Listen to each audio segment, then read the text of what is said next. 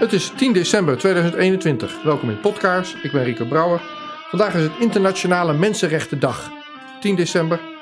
Uh, dat kan je vinden op de website van Amnesty onder andere. Nou, en vandaag is ook het hoger beroep van Julian Assange geweest.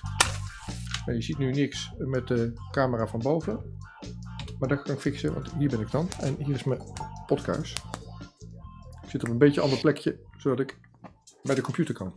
Welkom, uh, hier is de podcast, waar is dat ding? Zo, podcast. Traditioneel kaarsje erbij. Uh, en welkom Jamila. Dankjewel Rico. Goed dat je er bent. Hoe is het? Ja, goede vraag. Ja, met mij goed, maar met de rechtswereld niet. Nou, met jou ook niet, want ik sprak jou uh, in, de, in, de, in het begin van de middag. Nou, zullen we wat opnemen? Is dat leuk? En je had zoiets nou, nu niet. Want ik ben echt, uh, wat er nou weer gebeurd is in Engeland. Daar gaan we het nu over hebben. Ja. Ja, de rechtszaak van Julian Assange, of tenminste de, het hoger beroep, dat op 27 en 28 oktober had plaatsgevonden. Maar vandaag was de uitspraak van de rechter, twee rechters. En ten eerste was het al opvallend dat bij um, die rechtszaak zelf, het hoger beroep, werd er niet gezegd wanneer het vonnis zou komen. Dus het was de hele tijd maar vaag. en op een gegeven moment heb ik um, de rechtbank geschreven van hebben jullie enig idee wanneer het is? He, dat een beetje kan voorbereiden of agenda inrichten of weet ik wat toen kreeg ik wel, um, ze zijn daar in principe heel behulpzaam, heb ik gemerkt bij die rechtbank. Je krijgt heel snel antwoord. En ze hebben toen mij verwezen naar een website waar je dagelijks kon checken of er al een aankondiging kwam van de, de verdict. Um, dus die heb ik af en toe gevolgd, maar er kwam dus niks. Maar op een gegeven moment kreeg ik gewoon een e-mail van de rechtbank dat morgen om kwart over tien wordt die uitspraak gedaan. Dus dat vond ik ook heel netjes. Van, oh, nou mooi. Met ook van uh, daar en daar kan je een link aanvragen. En nou goed, heb ik meteen gedaan. Toen kreeg ik een bericht terug, uh, vrij snel, van ja, we hebben het doorgestuurd en uh, nou ja, de link uh, will come in due time. Dus ik ging ervan uit, dat is oké. Maar... Nou, even uitleggen voor mensen die het niet gezien hebben. De vorige keer zat je erbij via een remote link, zoals we nu ook praten met elkaar. Kon je gewoon de rechtszaak volgen en zien. En je dacht, ja. dat ga ik nog een keer proberen voor de, voor de, uit, voor de uitspraak. En ja, tot... en het leek gewoon net zo te gaan als vorige keer. Ja. Hè? Dus hetzelfde proces, dezelfde reacties. Maar het kwam steeds dichterbij. Toen heb ik nog geschreven weer naar die persoon die mij had doorgestuurd. Die, die had gezegd van de link komt eraan. Van, um, goh, ik heb nog niks. Is er misschien iets mis? Heb ik een e-mail gemist of zo? Want, uh... En toen kreeg ik geen antwoord. Terwijl ze tot nu toe, redelijk, hè, binnen vijf minuten, tien minuten, kreeg je een antwoord. Nou, nog, nog een keer. En toen op Twitter gevraagd van jongens, hebben mensen een, een toegang, maar er werd ook niet op gereageerd.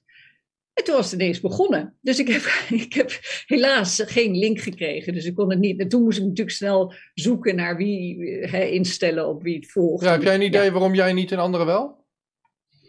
Ik weet het niet. Ik weet van Richard Medhurst, dat is ook een uh, zeg maar onafhankelijke verslaggever, die um, had wel toegang gekregen, maar die zei wel dat het opvallend was hoe weinig journalisten um, in de, in de, erbij konden zijn. Ja, in de livestream erbij konden zijn. In de livestream waren. Terwijl vorige keer waren er 72. En hij zei nu echt van ja, enkele tientallen, misschien 30, 40 of zo. Niet okay. eens. Ik heb een klein. Wat me wel opviel is dat de RTL vandaag wel erover berichtte en een paar ja, mainstream. Ik wilde wat zeggen. Ik heb uh, een stukje opgenomen van Kevin Costola. Die was er wel bij. Jij kan het niet zien, maar je kan het wel horen. Dat uh, is nu een. Voor Judge Vanessa Baretzer, I believe she's moved on to another position. So it'll be a new district judge who signs off. But I'm not even clear that we're having a hearing. What the High Court has asked this court to do, the Westminster Magistrates Court, is to send the extradition to the Home Office, to the Secretary of State, who will make the ultimate decision on signing off on this. And that's going to start the entire process in, in a very real way. Nou ja, dat is een lange fragment. Ik vond, dit, dit vond, was voor mij het rare. Dus de, de beroepsrechters, uh, de rechters, die zeiden, en dan gaan we zo in detail doen wat ze zeiden, maar die zeiden, nou, Assange, uh, zijn beroep, uh, de Amerikanen worden gelijkgesteld in, in het beroep, die hebben gelijk gekregen, dus Assange mag uitgeleverd worden. En de zaak gaat terug naar de lage rechter. En die moet het doorgeven aan de minister, minister van Binnenlandse Zaken. Ja, nou, het, het is zo. Um, ze hebben de, de, Verenigde Staten hadden vijf punten ingediend. En de ene was dat uh, de rechter had een verkeerde beoordeling gemaakt. Die had het recht verkeerd toegepast. Dat was de eerste. De tweede was, uh, ze had de Verenigde Staten van tevoren van haar oordeel moeten informeren, zodat de Verenigde Staten uh, garanties had kunnen geven over de gevangen, he, noem het, de condities onder, waaronder hij gevangen gehouden zou worden. De derde, derde punt was het uh, rapport van die neuropsychiater Kopelman. Daar hadden ze van gezegd, ja, dat was geen uh, uh, betrouwbaar rapport. Want uh, Kopelman had daarin gelogen over dat Stella Morris de verloofde was van uh, Assange. En dat is er keer op keer uitgelegd waarom hij dat had gedaan. Omdat, nou ja, ze werden natuurlijk afgeluisterd, ze werden bedreigd. En hij wilde gewoon Stella Morris beschermen tegen nog meer gedoe. Nou, daarin, um, daarin heeft Assange wel gewonnen. Dat, dat, die beroepsgrond werd niet toegewezen, toch? Nee, die werd niet toegewezen. Ja, dan was er nog een vierde. Dat was dat de, de, de rechter uh, zich vergist had in haar assessment van het risico dat Julian Assange zelfmoord zou plegen. En het laatste was dat er een pakket van garanties uh, is aangeboden. Nou, dus op het, op het uh, toepassen van de wet, op dat Kopelman-rapport um, en op haar um, assessment van die uh, suïcide. Daar heeft de Verenigde Staten geen gelijk gekregen. Dus ze hebben eigenlijk het psychische deel hebben ze in stand gehouden. Dat Julian Assange is wel kwetsbaar, dus wel risico. En, en dat was allemaal oké.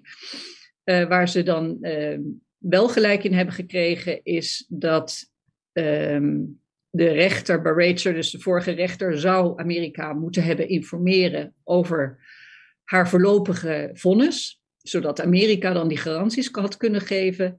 En dan het punt van de garanties zelf. Daar hebben ze dan ook gezegd, nou, die zijn voldoende, we kunnen haar, uh, hem nu uitleveren. Ja. En toen is er gezegd, nou moet het terug naar de Westminster Magistrate Court. Hè, dus het naar de gewone rechter. Laag, ja. Lagere rechter.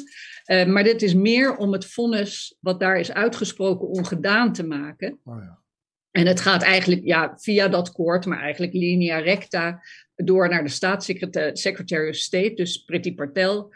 Patel en die uh, moet dan uh, het oké okay of niet geven voor die uitlevering. Nou ja, we kennen Priti Patel qua type. Dus, um, en bovendien heeft de Secretary of State al eerder toegestemd dat hij moet worden uitgeleverd. Dus ja, ja er is gewoon nul kans. En het erge is, nu komt het heel dichtbij. Hè? Dus als er nu niks meer zou gebeuren, dan wordt Julian Assange gewoon uitgeleverd. Nou. Maar um, de advocaten van Julian Assange hebben meteen vandaag een brief gepubliceerd waarin ze zeggen dat ze wel een cross-appeal gaan indienen. Dat betekent dus dat wat er vandaag is uitgesproken is het vonnis van het hoger beroep van de Verenigde Staten tegen Assange. Maar nu gaat Assange tegen de Verenigde Staten in beroep. Dat moeten ze binnen twee weken doen. En het voordeel daarvan is, is dat dan al die argumenten die bij de lagere rechtszaak aan bod zijn gekomen, dus die echt te maken hebben met persvrijheid, het feit dat hij een, een journalist is, het feit dat alle nieuwskanalen uh, dezelfde praktijken toepassen als hij. Hè, dus ze krijgen allemaal gelekte informatie en publiceren die, maar zij worden niet vervolgd. Dus um, die kunnen ze weer naar voren brengen. En dat is natuurlijk, uh, ja, dat is fijn. Het is alleen niet fijn omdat het betekent weer een heel lang traject. Julian Assange is al zo zwak. Um, we weten ja. nu wat het betekent. Dat betekent gewoon weer een jaar. Want uh, de vorige, ruim een jaar, want dat was de vorige beroepszaak ook. Even ja. hè. Um, um, dus de Amerikanen geven garanties. En die zeggen: nee, nee, we doen hem humaan in de gevangenis. Of hij mag in, uh, zijn straf in Australië uitzetten. Allemaal garanties. Uh, juist het Wikileaks-handle, maar ook andere accounts, hebben herhaaldelijk, het begint bijna op spam te lijken, afgelopen weken benadrukt dat dat soort garanties bewezen niet werken. Dat ze vals zijn. Um. Het is heel treiterig. Hè? Het is... Um, ja, ik, dit is misschien weer te, te extreem. Maar um, alles is ontzettend treiterig, sadistisch eigenlijk. He, wat je ook zei, van we wisten dus helemaal niet wanneer die uitspraak vandaag kwam. En wanneer komt die uitspraak? Die komt op de, de Day of Human Rights. En dat hebben ze bij Chelsea Manning ook gedaan. Toen in 2013 de rechter oordeelde tegen Chelsea Manning, was dat de dag van de whistleblower. Dus het is gewoon echt, ja, waarom? oh ja, heb ik ook, wil ik, dat ga ik ook nog een keer doen. Ik, ik, zeg het niet zo vaak, maar dat is wel een, heb ik wel een persoonlijk eh, dingetje mee. Dus uh, podcast is een vlammetje. Podcast is een vlammetje, is echt een vlammetje. En is uitgeblazen door firma Google YouTube op kerstavond vorig jaar. Toen ben ik van YouTube gekikt voor een interview van uh, twee maanden eerder of zo.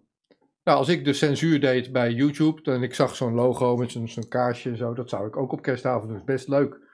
Maar echt zakelijk is het niet. En uh, in de zaak van Assange is dat soort getreiter nog weer veel erger. Al helemaal als de rechtspraak erin meegaat. Dat is wat hier gebeurt. Ja, en de, de verdediging van Assange die had dus wel al een paar gevallen um, gegeven aan deze rechters. Om te zeggen van luister, die garanties, ook al worden ze gegeven, ze stellen niks voor. er is bijvoorbeeld een, een, een, gevangene, Babar Amar, ik weet niet precies waarvoor die uh, uitgeleverd werd, maar die werd uitgeleverd en er waren ook garanties. Hij zou in, in, in een redelijke cel, niet al te naar. maar hij vertelt dat hij was daar nog niet aangekomen of hij werd helemaal bloot hè, gestript op de camera, dus het werd gefilmd. En vervolgens werd hij voorafgaand aan zijn try, aan zijn um, proces, werd hij zo bloot in een cel gegooid, 72 uur lang, in een ijskoude cel waar allemaal um, poep uh, ja, lag. Uh, daar werd hij gegooid, daar werd hij 72 uur gehouden, terwijl er wel garanties waren gegeven. Nou, dat is er één. Dan is er de zaak Mendoza, dat is helemaal een, uh, nou ja, een thriller wil ik niet zeggen, maar daar zou je ook een film van kunnen maken. Maar daar werden allemaal garanties gegeven um, aan Spanje. Hij werd uitgeleverd door Spanje. En Spanje was heel erg uh, keen daarop. Die wilde echt, hè, iedereen moest ondertekenen. Spanje moest ondertekenen, Mendoza moest ondertekenen en uh, Amerika moest ondertekenen dat hij werd wel uitgeleverd. Hij zou in Amerika berecht worden, maar hij zou de straf in Spanje uitzitten, omdat daar zijn vrouw en kinderen, kind toen zat. Um, en dan kon hij in ieder geval bezoek van familie krijgen. En Mendoza is Spaans-Amerikaans. Hij heeft dan ouders in Amerika, maar zijn vrouw en kinderen in Spanje. En um, nou ja, die heeft daar dus wat, zeven jaar of zo gezeten voordat hij naar Spanje ging. En hij moest dat helemaal zelf aanvechten. Hè. Dit was, was, anders was hij helemaal nooit naar Spanje gegaan. Maar dan, werd hij, dan zei hij bijvoorbeeld: Ik wil dat document hebben waarop staat van die uitlevering. En toen zeiden ze: Nee, dat is, uh, dat is niet van jou, dat is van ons. En hij zei, ja, maar er staat mijn handtekening op. Ik wil het hebben. En toen gaven ze hem dus dat document. Maar er was zijn handtekening weggewerkt. En het was het ene na het andere. En hij, heeft, hij was heel rijk. Of uh, hij heeft dat allemaal zelf kunnen bekostigen. Hij heeft 250.000 aan proceskosten besteed. Maar van die dingen dat ze een deal met hem wilden doen. Hij had een huis met, uh, een, dat een aantal miljoen jaar uh, waard was of anderhalf miljoen of meerdere miljoenen, ik weet het niet precies. En toen hadden ze gezegd, nou weet je wat, geef ons dat huis en dan sturen we jou terug naar Spanje. Nou, dat wilde hij eerst niet. Maar toen op een gegeven moment was er een advocaat en die zei, joh, wat wil je nou? Wat, gaat, wat is belangrijker? je familie, je vrouw en je, zoon of dat huis? En toen dacht hij, ja, oké. Dus hij heeft dat gegeven, dat huis, heeft hij overgedragen aan de Amerikaanse staat.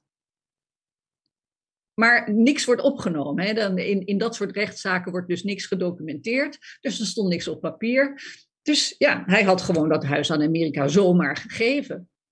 Dus hij zat, hij ging, nou ja, allemaal oh, ja, we, gaan terug naar Assange, want je zei net ook al dingen. Ik heb plaatjes klaarstaan, dat kun jij niet zien, maar dat ga ik wel laten zien. Dan zal ik zeggen wat ik laat zien. Sowieso, die dag van de rechten van de mensen, die had ik, die had ik gehad. Maar hier is een plaatje van Armstrong Economics, Martin Armstrong, ja, die man heb ik ook wel eens geïnterviewd. Die, um, die zegt in het Engels dan: Assange will be lucky if he somehow does not figure out how to turn off the cameras so he can commit suicide. En dan refereert hij aan, uh, aan Epstein en eigenlijk zegt hij: Assange mag blij zijn als niet Als het hem niet lukt om, het is een grapje, als het hem niet lukt om buiten zijn cel de bewakingscamera uit te zetten, zoals bij Epstein, zodat hij zelfmoord kan plegen. Wat, wat uh, Armstrong eigenlijk zegt is, in dat stukje, en ik zal het linken onder dit gesprek, uh, de kans dat Assange daar zelfmoord pleegt, volgens de boeken, is groot. En of het dan zelfmoord is of dat hij vermoord is in zijn cel door de Amerikanen, dat, dat, dat moet je dan maar hopen dat, het, dat, dat, dat hij niet vermoord is. Maar je kan de Amerikanen er niet op vertrouwen. Het is een heel zwart stukje wat, wat Martin Armstrong daarover zei. Nee, het, als hij uitgeleverd wordt, dan, dan is hij klaar. Ik heb, dan... uh, ik heb ook wat klaarstaan van de Nederlandse media. Dat wil ik ook even tegen je aanhouden. Mm -hmm. En dan, uh, dan beginnen we ermee met aan jou vragen. dat is een strikvraag hoor. Oh, ik moet jou wel in beeld hebben eerst nog voordat ik dat doe. Zo, strikvraag. hey, er was een dingetje in Zweden. En dat hebben we uitgebreid besproken de vorige keer. Maar ook dat kunnen mensen terugzien. Een gesprek van een uur waarin we alle details langs laten lopen. Nou, een van die details is... Uh, Assange had seks in Zweden, kennelijk met een aantal vrouwen. Oké, okay, hoeveel vrouwen? Twee. Mm -hmm. Hoeveel vrouwen staat in het NRC, denk je? Geen idee. Tien? Ik weet het Tien, ja. Oh ja, nee. Even kijken. De Australische Assange kwam vast te zitten in het Verenigd Koninkrijk toen hij in 2010 in de problemen kwam met de Zweedse justitie. Drie vrouwen deden in het Scandinavische land aangifte tegen hem wegens verkrachting en aanranding. Drie. Nou, Jamila, doe ik nou nepnieuws of doet NRC nepnieuws? En ik heb nog ja, twee voorbeelden. Misschien zeg dat één zo leuk was dat hij voor twee telde. Ja, ik weet het niet. Het maar waren er twee. Wat doet, dat, wat doet het NRC nou? En by the way, het was geen verkrachting of aanranding. Ze kunnen hun dossier uit. Is tien jaar geleden gebeurd. Dus alles is duidelijk Ja. hiervan. Dus het is, onzin. En, dat is nog een vraag. Dat kun, het NRC-artikel zal ik ook hieronder lezen, beschrijven. Kunnen mensen teruglezen. Was er een arrestatiebevel vanuit Zweden? Ehm, Als er een internationaal arrestatiebevel is, is het een heel ander verhaal. Dan ga je niet op huisarrest, dan, wordt, dan heb je een internationaal arrestatiebevel. Volgens mij was dat Nee. niet de zaak. Ze hadden iets in onderzoek en wilden graag Assange daarvoor horen. Dus ook dat klopte niet op de, op de, in het verslag van het NRC. En dan heb ik heb nog een leukere. Eh, Jamila, is Assange getrouwd inmiddels? nee. Weet je zeker? Nou ja, hij gaat trouwen. Wat staat er in de Volkskrant? Even kijken. Eh, meteen na de uitspraak zei zijn partner Stella Morris, met wie hij in de gevangenis is getrouwd, oh, dat de juridische strijd nog lang niet voorbij is. Hij is in de gevangenis getrouwd. Nou, dan ga je twijfelen, hè? Ja, ik weet van niks. Ik weet dat ze gaan trouwen en dat dat heel veel voet in aarde had. Maar ik, ik weet niet dat ze getrouwd zijn. Nee. precies. Ze zijn niet getrouwd en ze zullen deze maand waarschijnlijk gaan trouwen. Het is niet het geval nu. Dan naar trouw, het laatste voorbeeld wat ik heb. Ehm, Assange probeert al jarenlang uit handen van de Amerikanen te blijven. Hij vluchtte om die reden in 2012 naar de Ecuadoriaanse ambassade in Londen. Nou, laten we het daar even pakken. Vluchtte die naar die ambassade in jouw woorden? Ja. Ja, dus wel- hij vroeg er asiel aan, maar hij, on- hij ontvluchtte wat er in Engeland gebeurde. En hij zocht... Nee, hij, ja, hij vluchtte omdat ehm, ze hadden.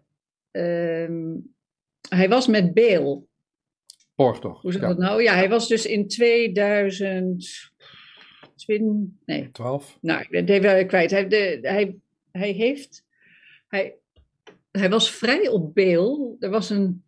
Nou, huisarrest. Ja, nee, nee, nee, dat klopt. Dus in, in 2000, ehm, mei, eind mei 2012, eh, was het uitspraak van het hoger beroep. Daar was Assange in hoger beroep gegaan tegen de uitleveringsverzoek van Amerika.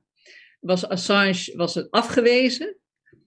Ehm, en, en hij is toen gevlucht. Ja, hij vlucht naar dat, dat eh, zoiets. Ja, de Ecuadoriaanse, eh, Ecuadoriaanse, eh, Ecuadoriaanse ambassade. Je kan het vluchten noemen, maar hij was onder huisarrest. Hij verbrak zijn huisarrest en vroeg daar eh, asiel aan. heeft hij ook gekregen. Ehm, Ja. nou, ik, ik, Omdat hij, hij vermoedde dat ik- hij gekidnapt zou worden. Of, Ja, of nou, hij vermoedde dat hij naar Zweden gebracht zou worden. En dan via de Zwedenroute naar Amerika zou gaan. Dat zou niet voor het eerst zijn dat het op die manier gebeurde. Mhm. Hij vluchtte naar de Ecuadoriaanse ambassade in Londen. Nou, oké, dat klopt dan. Waar hij uiteindelijk zeven jaar woonde. Ja, ik val ook over het woord woonde in trouw. Als de, Verenigde, als de Verenigde Naties zeggen dat het arbitrary detention is, dus onrechtmatige opsluiting. En als de Verenigde Naties zeggen dat hij daar systematisch is gemarteld, dan vind ik het woord woonde niet helemaal de lading dekken, collega's van de trouw. Ja. Ik was Ja, nog niet misschien. klaar. En eh, in 2019 werd Assange uit het pand verwijderd. En dat is op zich wel waar. Hij werd uit de Ecuadoriaanse ambassade verwijderd. En veroordeeld voor een celstraf voor het overtreden van zijn borgtocht. Ja, dat klopt. Oké, dat is dat. Ehm, Ja, ik heb nog meer voorbeelden, maar het is ook wel weer genoeg. Dus ik was een beetje mopperig op de landelijke media. Ook omdat ze er nu wel verslag van doen. Dus wanneer doen ze verslag? Als de Amerikanen winnen. Precies, ja. Ja. ja. ja. Oké. Ehm, hij is nog niet getrouwd, hij wil wel trouwen. Stella Morris, um, zijn verloofde, uh, deed na de rechtszaak een korte persconferentie samen met Craig Murray. Dat heb jij ook gezien. Dat is gefilmd door Rupley, die eh, voor de deur een livestream zat te doen. Dat zal ik na, na, afloop van dit gesprek met jou, zal ik dat in starten, kunnen mensen dat ook terugzien. Was het uh, onverwacht? Was het verwacht? Nou ja, op zich is natuurlijk verwacht dat er geen goede uitspraak komt voor Assange. Maar wat ik zo uh, shocking vond, was nou ja, dus de eerste geen access. En toen ik hoorde ook dat Richard Mathers zei van uh, er was helemaal geen interesse. Hè, er waren maar een paar journalisten. Dacht ik, ja, dus dat was niet zo. Ik hoorde, ik zag ook op Twitter van andere mensen die ook uh, aan zouden vragen. Maar die hebben waarschijnlijk ook geen toegang gekregen. We hebben gewoon niet gekregen. En het feit dat er ook geen antwoord kwam, terwijl ik voortdurend hè, de afgelopen weken vanaf die andere zaak steeds meteen antwoord kreeg, uh, maakt dat, dat er is iets gezegd daar of gebeurd. Van, was een, maximum of alleen maar uh, de echte regelmatig terugkerende mensen die mochten komen. Oh ja, ik heb er een theorie over. De high-profile mensen. Dus Stefano Morici uit Italië. Kevin, die, waar, die ik net aangehaald gehaald heb. De mensen die de vorige ja. keer ook waren, die ze echt niet, waarvan ze het niet durven te maken om ze geen toegang te geven. Ja. Dat is het, denk ik. Ja, want die maken heel veel stennis dan. Ja. ja wij maar dus dat, dat, dat en, uh, en wat, wat shocking was, was gewoon de snelheid van de bijl. Want het was, um, de zitting is geopend. Uh, de punten 1, 2, 3, 4, 5. Uh, en daarvan vinden we 1, 2, 3, 4, 5. En Assange mag worden uitgeleverd. Het was binnen acht minuten gepiept, zitting opgeheven. Aju. En het was zo gevoelloos, zo totaal. Um, nou ja, en die hogere rechter die ze er dus expres bij hebben gehaald om dat precedent om te, om te keren, die Burnett, die was er niet bij, want die, ja, die zou niet helemaal heel misschien uit het gebouw zijn gekomen. Er werden ook eieren gegooid tegen het uh, Hoge Rechtshof. Um, en die Burnett ja, is ook een geval apart. Want die is dus. Nee, ik, wil, ik wil 40... dat je. Wacht, stop. Ik, ja, ik krijg op, op de kop van mensen dat ik je onderbreek. Maar ik doe het toch, want ik wil dat mensen ook dit snappen. Waar het om gaat is dat in een eerdere zaak, de zaak van Lori Love, een uitlevering niet doorging vanwege uh, gezondheidsproblemen van Lori Love. En uh, de rechter die daarin oordeelde, is ook hier, dus die Lori Love uitlevering niet door liet gaan, is ook hierin uh, ingezet. En jij was bij, dat, bij die beroepsprocedure. En, en je zag daar dat diezelfde rechter al zei: ja, maar dit is een andere zaak. Dus ja, er is geen precedentwerking. Nou, die rechter was dus niet bij deze uitspraak. Wat wel gek is, denk ik, of niet? Dat is toch gek? Ja, hij is gek. En um, nou ja, goed, die, die, de, de, enige reden dat hij, want hij is op het laatst toegevoegd hè, aan deze zaak. En zoals ik vorige keer zei, Niels Meltzer, die, die was de enige die uh, daarop wees dat dit eigenlijk helemaal niet goed was, dat hij op deze zaak was gezet, dat er helemaal niet een positieve uitkomst um, voorspelde. Omdat, waarom zet je zo'n rechter erop, is alleen maar als je de, zijn precedent weer om wil keren. Hij is de enige die dat om kan draaien. Of tenminste iemand van zijn positie, Lord Chief Justice. Dus, um, en dat was dus heel duidelijk in die ene opmerking die jij zei. Hij, hij katte dat zo snel af toen Laurie Love werd genoemd, dat het heel duidelijk was van, ah, ah, dit is een hele andere zaak, dit gaat de hele andere kant op.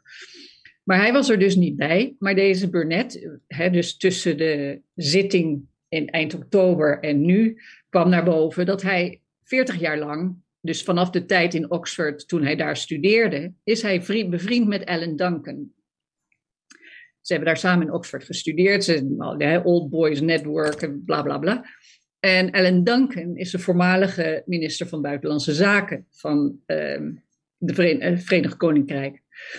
En die was degene die die kidnapping of, of dat uithalen uit de ambassade van Julian Assange heeft geregeld. Dat was onder zijn verantwoordelijkheid. En hij heeft ook die, die, die uh, operatie, zal ik maar zeggen, heeft hij met een livestream gevolgd vanuit de operation room in de topfloor van het ministerie van Buitenlandse Zaken. Heeft hij dat gevolgd. En naderhand heeft hij een, drankfeestje gegeven of een borrel voor iedereen die bij, dat, bij die operatie betrokken was, om het te vieren. En daarna is hij naar Ecuador gevlogen om Moreno, de president van, van Ecuador toen, om hem te bedanken voor het uh, afleveren of overgeven van Assange. En heeft hem toen een porseleinen bordje uit de cadeaushop van Buckingham Palace gegeven. Dus het, het is allemaal zo vies. Het is ook zo'n. Wie wil überhaupt een bordje van pellen? Los daarvan.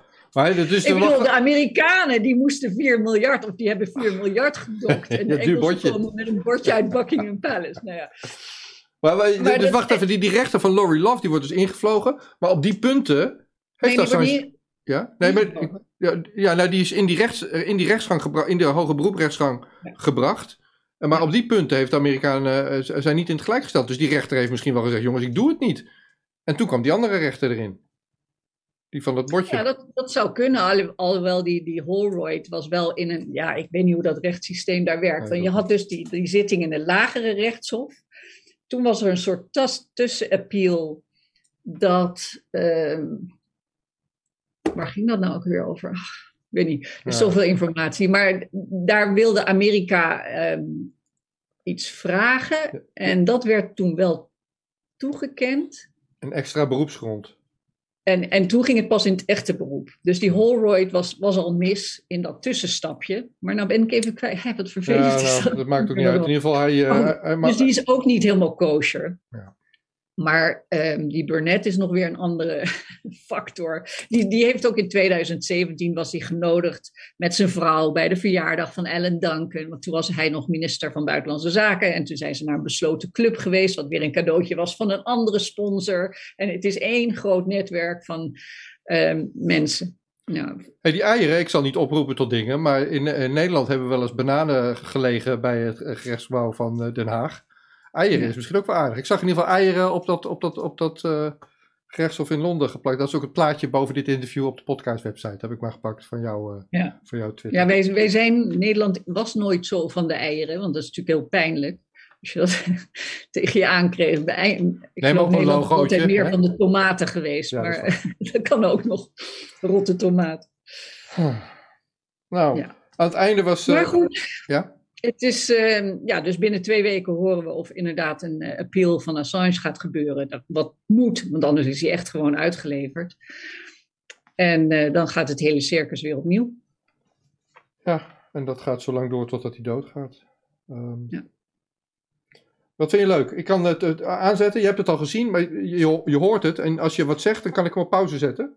We horen dan uh, Craig Murray en Stella Morris buiten het gerechtsgebouw. Zullen we er naar, naar ja, Ik vond het wel leuk van Craig Murray, want die is natuurlijk net zelf ook uit de gevangenis gekomen in Schotland.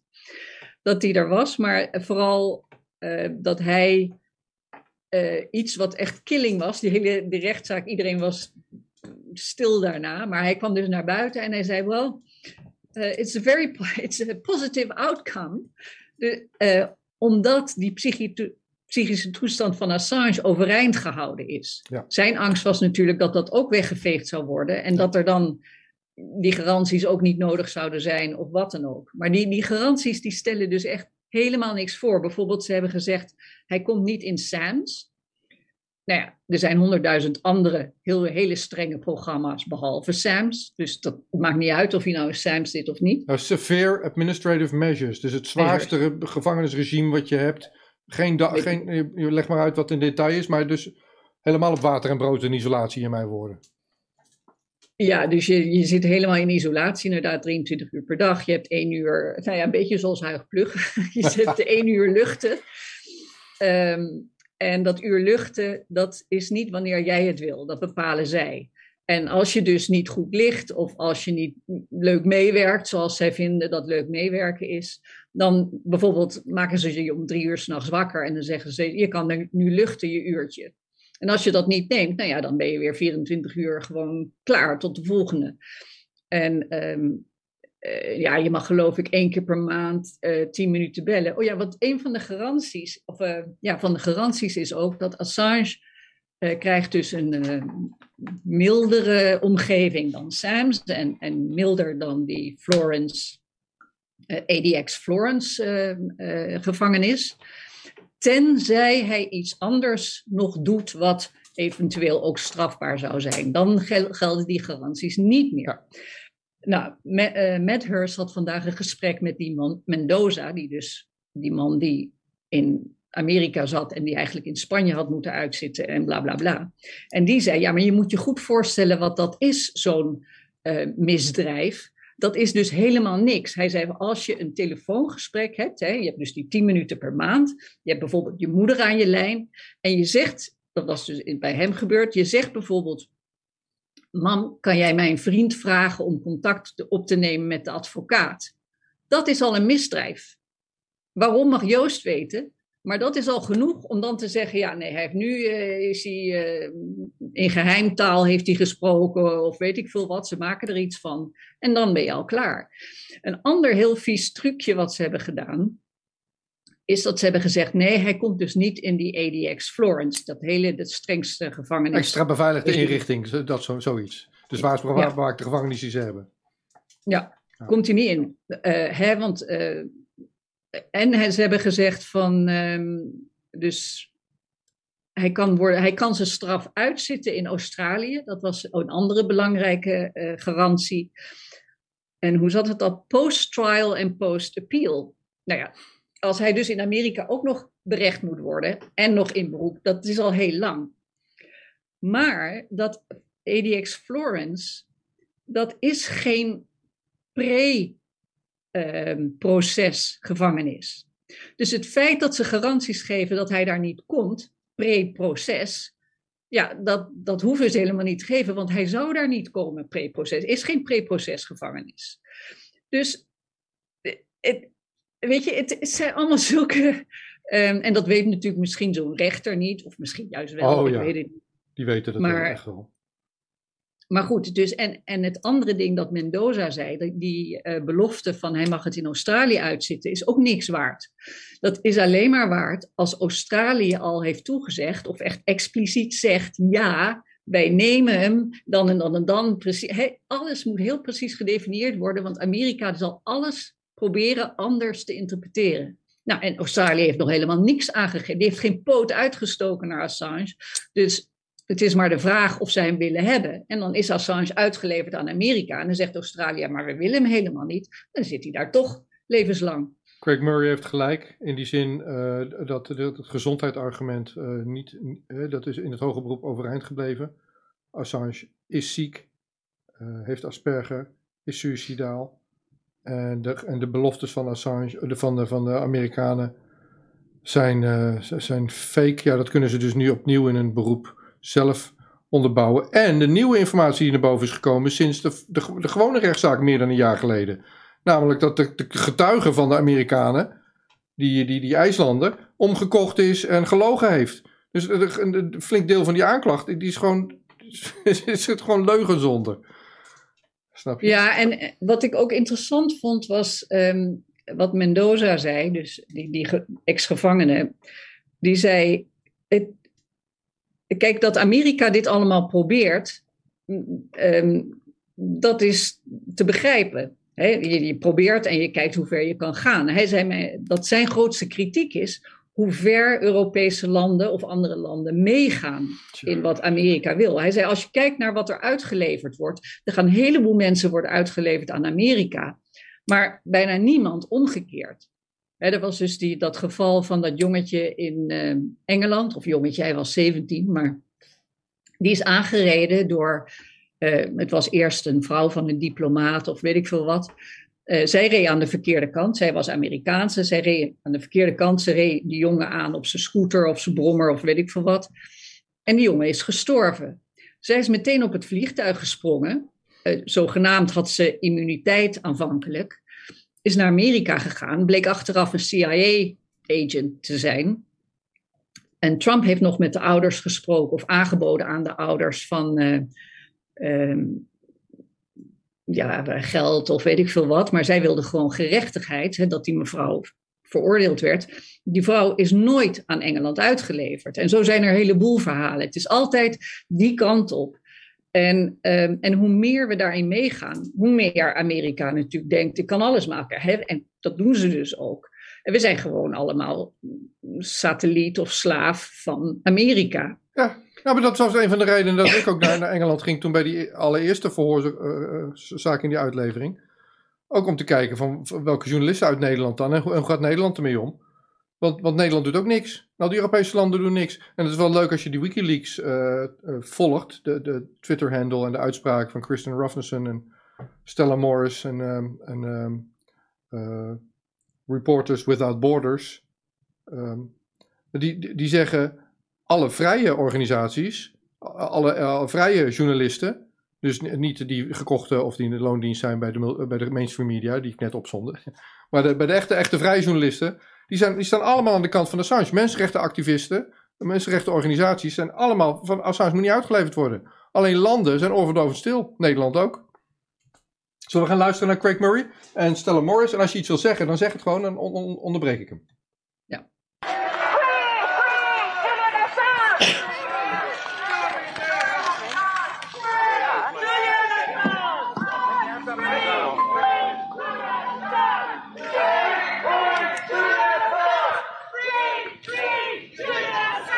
Okay, thanks very much. Uh, thanks very much to all the supporters for coming down here. Thanks to the press uh, for uh, turning up.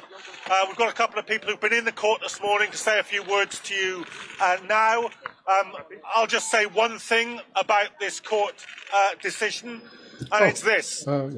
that there are two absolutely unchallengeably true facts about British politics there is one. There are two absolutely unchallengeably true facts about British politics at the moment.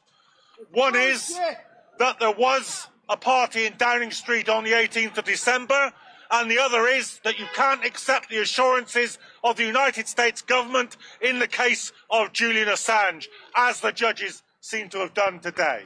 But to tell you more about what's been happening, first of all, I'm going to ask Craig Murray, who's been following this case from the very beginning to say a few words. Hey, Craig. Thank you. Well, uh, today's judgment uh, was a partial victory in that the judge found that on the medical evidence and on the evidence of conditions in American jails, uh, the magistrate had made the correct decision in refusing uh, to extradite uh, Julian Assange. However, uh, they said, based purely on diplomatic assurances from the United States and a diplomatic note, that they accepted the word of the United States government as to the conditions uh, in which Julian would be held. Um, and they said uh, that this is because they were solemn assurances from a state. Well, of course, these are solemn assurances from a state whose war crimes and murder of civilians were exposed by Julian Assange. Yeah. You cannot accept these kinds of assurances from the government of the United States. Yeah. And the government of the United States has broken precisely these kind of assurances in other legal cases for which there are a series of judgments at the European Court of Human Rights which were ignored by this court. So this is one stage in the legal battle which will go on. The other point, of course, is that so far these appeal hearings have only been on the subjects uh, against which the United States government was appealing the aspects of the original judgment uh, against which uh, the Assange team intend to appeal have yet to be heard, and those are freedom of speech. Those are the right not to be extradited on political motivation. Those are the fact that the extradition treaty with the United States specifically rules out political extradition.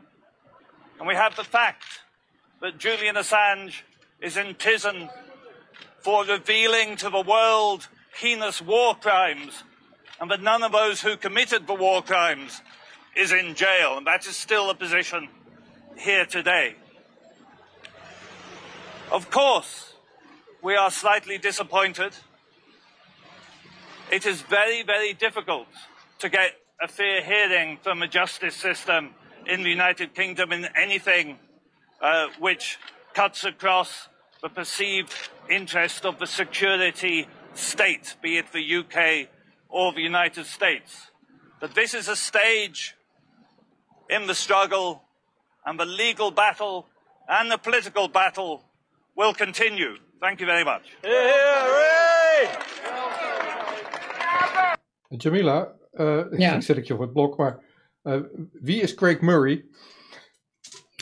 Craig Murray is een ex-ambassadeur van eh, het Verenigde, Verenigd Koninkrijk. En ik, nou ben ik even vergeten waar die zat. Oezbekistan. In, hè? Oezbekistan. Oezbekistan, ja. En daar ontdekte hij dat een heleboel dingen niet klopten. En werd dus zeg maar een ambassadeur-klokkenluider en werd toen uit zijn functie ontslagen. Eervol neem ik aan. En werd toen een, eh, een, een Oh. journalist. Hè? Nou, dat weet ik eigenlijk niet. Je zegt dat zo, neem ik aan. Maar ik, weet, ik geloof niet dat dat, dat heel koek en ei is, hoe die relatie is geëindigd. Maar dat maakt niet uit. Ga verder. Nee, maar goed, dat is met Huig, Huigplug ook niet. Ja, zo zoiets inderdaad. Ja, precies. Ja. Ga verder. Ehm, dus eh, ja, en hij is gewoon nu, hij schrijft boeken, hij, hij is activist, hij is journalist, hij is criticus. eh, hij heeft een heel netwerk van, van mensen zoals John Pilger, ook een, een Amerikaanse beroemde journalist die zich erg inzet voor allerlei onrecht. En, ehm, dus hij is eh, Craig Murray, hij zoekt ook voortdurend naar waarheid. En hij is net uit de gevangenis gekomen in Schotland, omdat eh, in Schotland, ehm, daar was een zaak tegen een meneer Salmon, eh, die beticht werd van MeToo-acties, wat helemaal niet waar was, was allemaal gefabriceerd, net zoals bij Julian Assange. En eh, Craig Murray nam het voor hem op en hij schreef daarover. En toen werd eh, Craig Murray eh, aangeklaagd omdat hij in zijn artikelen zou laten doorschemeren schemeren welke mensen erbij betrokken waren. En dat mocht niet. Dat is dan journalistiek puzzelen of zo, puzzelstukjes doen, zodat mensen dat samen kunnen brengen en dan weten wie de verdachten zijn of de mensen die daarbij betrokken zijn.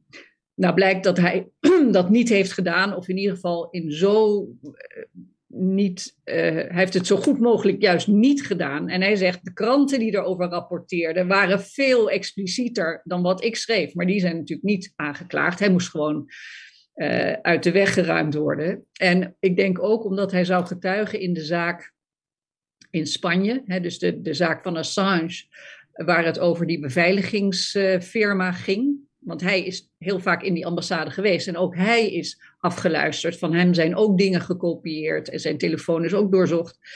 Dus hij zou daar ehm, getuigen. En, eh, en er was natuurlijk die, dat hoger beroep van Assange. En ik denk dat ze hem gewoon daar ook niet wilden. Dus hij is vier maanden opgesloten in de gevangenis en hij is daar dus net uit. En het grappige vond ik toen hij eruit kwam. Het eerste wat hij deed was rapporteren over hoe het was binnen de gevangenis. Dat het, eh, dit was er mis en dat. En dus hij, hij is weer terug, hij is weer full on Ja. ehm, ja, aan het klokken luiden of aan het, aan het eh, ja, transparant maken van hoe dingen zitten. En de hele kwestie draait om eh, Sturgeon, die allemaal machtsspelletjes speelt en, en ehm, zeg maar kritische mensen uit posities wil weren en andere mensen erin zetten. Wie is Sturgeon?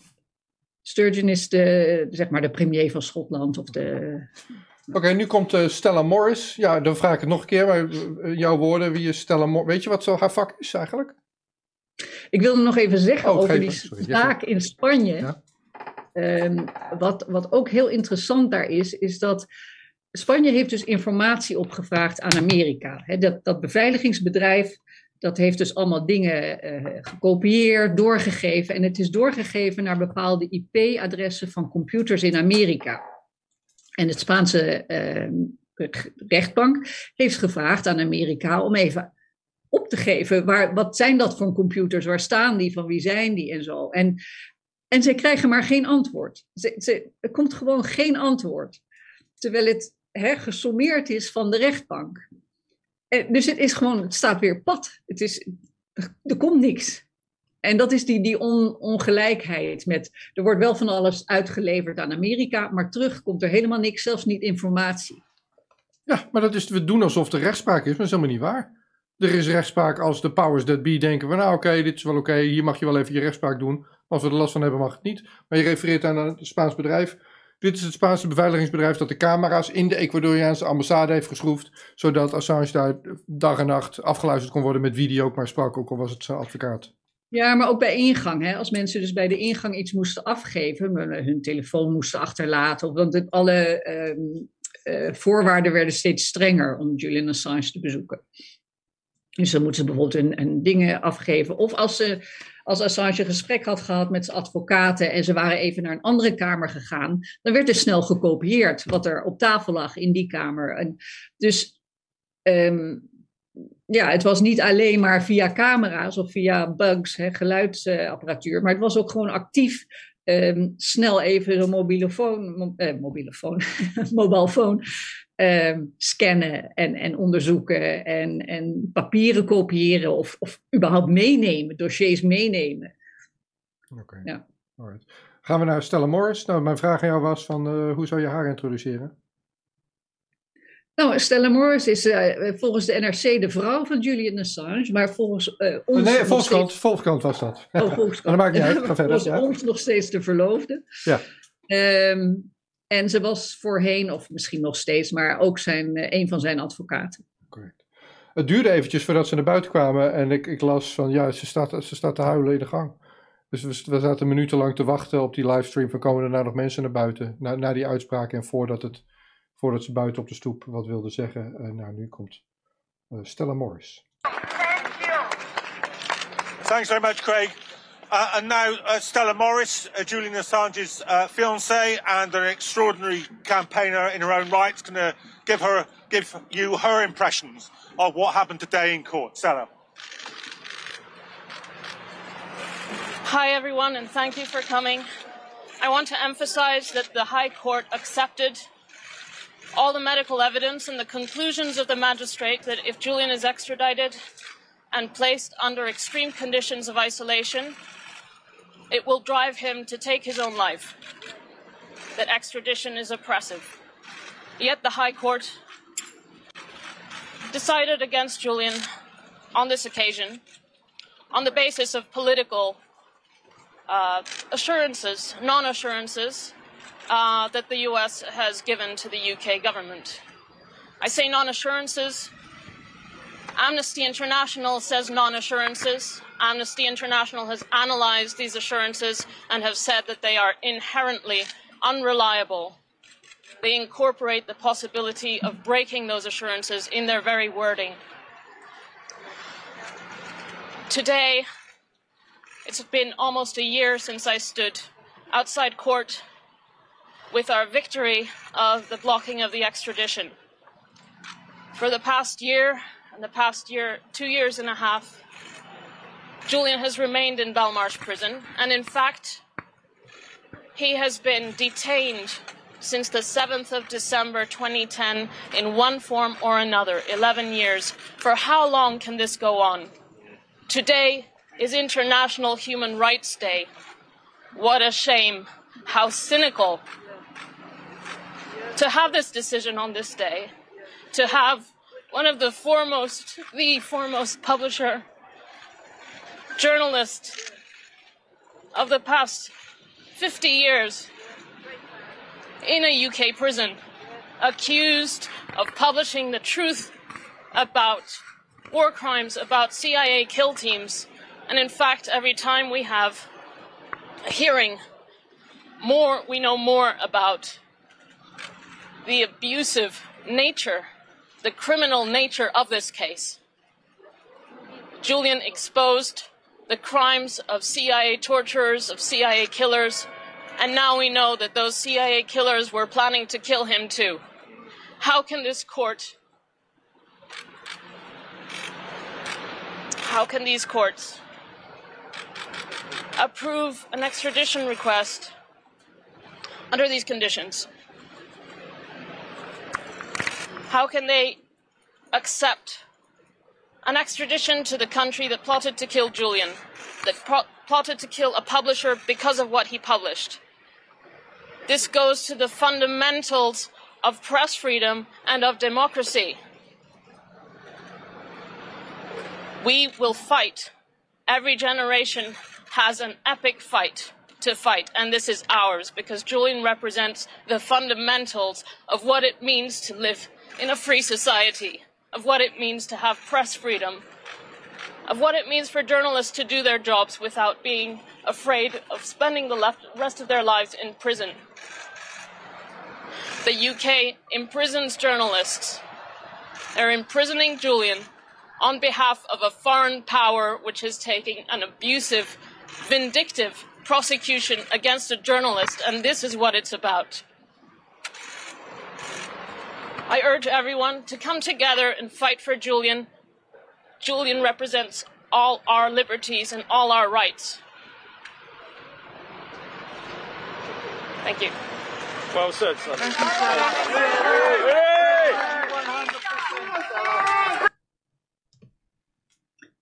Ja, nog even over die garanties. Mendoza vertelde ook, om te, nog weer te laten zien hoe futiel ze zijn. Mendoza vertelde ook dat op een gegeven moment, omdat hij dus niet naar ehm, Spanje werd uitgeleverd, deed, leverde hij een uh, verzoek in van, nou mag ik dan in ieder geval overgeplaatst worden naar uh, de Oregon, uh, Washington regio, want dan zit ik bij mijn ouders in de buurt. Hè, die wonen dan 100 mijl van die en die gevangenis, dan kunnen die mij in ieder geval bezoeken. Nou, dat duurde natuurlijk ook even en zo, maar op een gegeven moment, ja, het verzoek werd ingediend, nou oké. En kennelijk word je dan als gevangene getransporteerd naar een soort hub, een, een soort gevangenenhub. Daar zitten dus allemaal gevangenen uh, gevangen die allemaal aan het overplaatsen zijn. Van de ene gevangenis naar de andere. Dus een soort post-NL voor gevangenen. En um, dus hij zit daar. En nou, hij moest uh, daar misschien enkele dagen wachten of zo. Ik weet niet. Op een gegeven moment zei, uh, kwam hij met iemand aan de praten, bewaker van waar hij dan heen ging. En hij zei van ja, ik ga naar die, die gevangenis in Seattle. En die gevangenbewaarder zei van, uh, ah, ah daar ga jij niet heen. En hij zei, hè? En hij zei, nee, jij staat op de lijst om naar New Jersey te gaan. En daar is hij ook daartoe. Dus dat is heel ver van, uh, hè, dat is gewoon de andere kant, de East Coast, West Coast. De, allemaal getreiter, om niks. Want daar was natuurlijk helemaal niemand die hij kende, dus niemand kon hem opzoeken. Dus die garanties, die kan je gewoon echt, wat ze ook beloven, die, die kan je gewoon de prullenbak in gooien. Dankjewel, Jamila. Dan gaan we, we praten verder. Als het er weer, ik denk... Ja, nou ben jij down. dat had ik dus vanmiddag. nee, dat had ik vanmiddag ook. Ja, ja nee, je weet het, nee, maar voor mij was het geen verrassing. Ik, dat zei ik gisteren. Ik bedoel, je, je weet het gewoon. Met, met, met als, als, als, als Google YouTube op kerstavond dit ding uitblaast, dan, dan, meer hoef ik niet te weten gewoon. Dat, dat zit zo verweven in elkaar. Natuurlijk doen ze dat op de dag van de, van de mensenrechten. Als op die dag de uitspraak is, wat, dat, dan weet je toch. Dat is geen verrassing of zo. Ja, nou ja, misschien voor jou. Voor mij is het nog steeds een verrassing dat, dat het zo hard is. En, en dat onderstreepte dus die Mendoza en dat gesprek vandaag ook. Van, je moet er echt geen voorstelling van hebben. Het is alleen maar gemeen. Ze, ze pakken je waar ze kunnen. En, en daar zit ik dan stuk over. Van hoe is het mogelijk dat dat zo geïntegreerd is in ons rechtssysteem, in onze overheid, in onze hoe is dat gekomen? Hoe hebben we dat laten gebeuren? Ja, het is uh, wonderlijk. Maar dat mensen... Om maar in de understatement van, van Craig Murray te blijven. Die, um, we're slightly disappointed. Dat mensen zoals we're actually gutted. Maar... ja, nee, Murray is leuk, ja. Maar dat mensen zoals jij en ik nu dit soort gesprekken maken, dat is een soort, dat is een soort balans. Dat is, dat, is, dat is samenhorigheid. En dat hadden we niet kunnen bedenken twee jaar geleden, dat we nu dit soort gesprekken zouden hebben over de Zoom over de Assange-zaken. Dat is, nou ja, dat is wel een van de positieve dingen die ik zie. Want, uh, wacht nou, wacht nou. dat is goed, maar dat, dat, is, dat is heel positief. En dat is ook een gevolg van het hele negatieve wat ook nu is. Dus ja, dat, dat hele negatieve, moet ik zo zeggen, dat, dat roept ook het goede in ja, ons dan hier nu op. Om daar uh, dit over te doen. En dan werken we hier zo in samen. Dus het, het slechte en het goede allebei zitten te knokken in de wereld. En, uh, ja, maar voor, voor de, zeg maar, die corona-gekte ehm, begon toen was Assange werd, werd, nog echt gezien zijn zaak als een, een afschrikwekkende zaak. Hè? Van, het was een waarschuwingszaak voor andere journalisten. Dat, je moet dat vooral niet doen. Nou, dat is het waarschijnlijk nog steeds wel voor mainstream uh, journalisten. Maar door corona, doordat uh, zoveel mensenrechten zijn, uh, aan het afbrokkelen zijn, zoveel vrijheden zijn weggenomen en zoveel censuur is opgetreden, is het helemaal niet meer zo afschrikwekkend. Het is geen, want we zitten al in die, dat schuitje. We, we, we, ja, dus we zitten nog niet gevangen. Maar zo'n grote stap is dat niet meer. Kijk maar naar Huigplug, kijk maar naar al die uh, aangiftes die nu gedaan worden tegen Thierry Baudet of, of Willem Engel. En uh, dat is niet zo ver weg meer. Dus die hele afschrikfunctie, die verbleekt. En wat dat doet, tenminste, wat het voor mij doet, is dat het veel meer verbroedert. Van we hebben nou toch niks meer te verliezen. Dus nu met z'n allen helemaal voor Assange. Want het is voor mij, dat heb ik al vaker gezegd, die twee zijn echt verbonden, hè, de coronapandemie en Assange. Van we winnen Assange-case niet als we uh, dit niet winnen, hè, deze, deze onzichtbare oorlog, zou ik maar zeggen. En omgekeerd. Want je kan natuurlijk geen vrije Assange hebben in een, in een totalitaire technocratische staat. Dat gaat niet. Dus het moet samengaan. Dus ik hoop gewoon dat, dat, um, ja, dat die twee bewegingen dat die samensmelten en, en sterker elkaar versterken. Nou, ik hoop dat bij deze dan de oproep naar de andere niet-mainstream mediakanalen om, uh, om dat ook op te pakken. Want ik bedoel, ik roep mijn ding op Twitter en ik maak dit filmpje en het staat op al mijn kanalen. Maar ik ben ook monddood gemaakt. En als ik kijk naar de tweets van Wikileaks met 5 miljoen volgers. Uh, dat, zoveel tractie heeft dat niet. We zitten allemaal keurig netjes opgesloten in onze eigen bubbel. En we komen er niet meer uit. En um, dus ja, dat, dat coronadossier, als je dat openbreekt, waar iedereen naar zit te kijken, dan heb je, dan heb je misschien een beetje, een beetje, een beetje momentum. Maar ik voel me, ik voel me, ik voel me ook opgesloten. Ik, ik zit er wel een leuk podcast uit te hangen en lekker vrij te praten. En het is ook compleet vrij. Maar ook in de wetenschap dat er paar honderd of een paar duizenden, soms een paar tienduizenden mensen kijken. Maar geen, geen deuk in een pakje boter. Terwijl voordat ik gewist was van YouTube, had ik, uh, had ik een kwart miljoen kijkers naar uh, Reiner Volmich. Weet je? Ja. Dus uh, we moeten dit met, met, met, elkaar, met elkaar oppakken. Ja. En, en stoppen met die bubbels. Maar ja, nou, ik ben benieuwd wat Haag Plug gaat zeggen over het Nederlandse gevangenisregime. Als hij, daar, heeft hij al iets, daar heeft, hebben we nog niet over gehoord, hè? Hij zit nog vast natuurlijk. Hij zit vast, hij heeft weer een rode kaart. Dus hij oh, zit ook in beperkte bewegingsvrijheid. Beperkt, beperkte bewegingsvrijheid. Ik ja. zou willen dat er iemand als Assange... Maar ja, dat is ook het ding. Um, het is geen, ik zie het niet meer als afschrikking naar journalisten. Want er zijn gewoon geen journalisten meer. Ik bedoel, ik ben er wel en er zijn andere kanalen. Dat, dat wil ik niks aan afdoen. Dus, en, er zijn zelfs vrije journalisten. Maar uh, op de loonlijst bij de grote media zijn geen journalisten. Ik bedoel, ik heb ernaar gezocht in Londen. Ik heb ernaar gezocht al die, al die evenementen. Ze doen het gewoon niet. Dus die, die, interesseert ze niet, worden nee, niet weggestuurd. Ja, of het dan werkt of niet, dat is dan de vraag. Nou, mij werkt het niet. Werkt het op jou? Ik ben niet bang. Nee, nee, maar bij de mainstream, die nog ja. veel te verliezen hebben. Wij hebben niet zoveel te verliezen. Dus dan, ja. Nou ja, iedereen heeft zijn vrijheid te verliezen. Maar dat, dat, maar ja, maar dat, dat verlies je sowieso als je niet je nek uitsteekt. Ja, dan, dan is het gegarandeerd weg. Dus dan kan je maar beter, ja. Leuke dingen doen en proberen de tijd te keren. Nou, dat is wat we doen. Ja. Dankjewel, Jamila. Ja. Tot de volgende keer. Alsjeblieft, Rico. Het gaat hier vandaag over saamhorigheid. Dagje zonder hemel. Rustig, liegt niet. Normaal maken, wat niet is normaal. Every nation, in every region, now has a decision to make. Decision to make. En dan ook geen hel meer. You think I'm joking? Predator drones. Dat is best makkelijk. You will never see it coming. Wat dacht je, alle mensen? Laat staan dat ik uh, kan ingaan over vuur. Bezig met vandaag.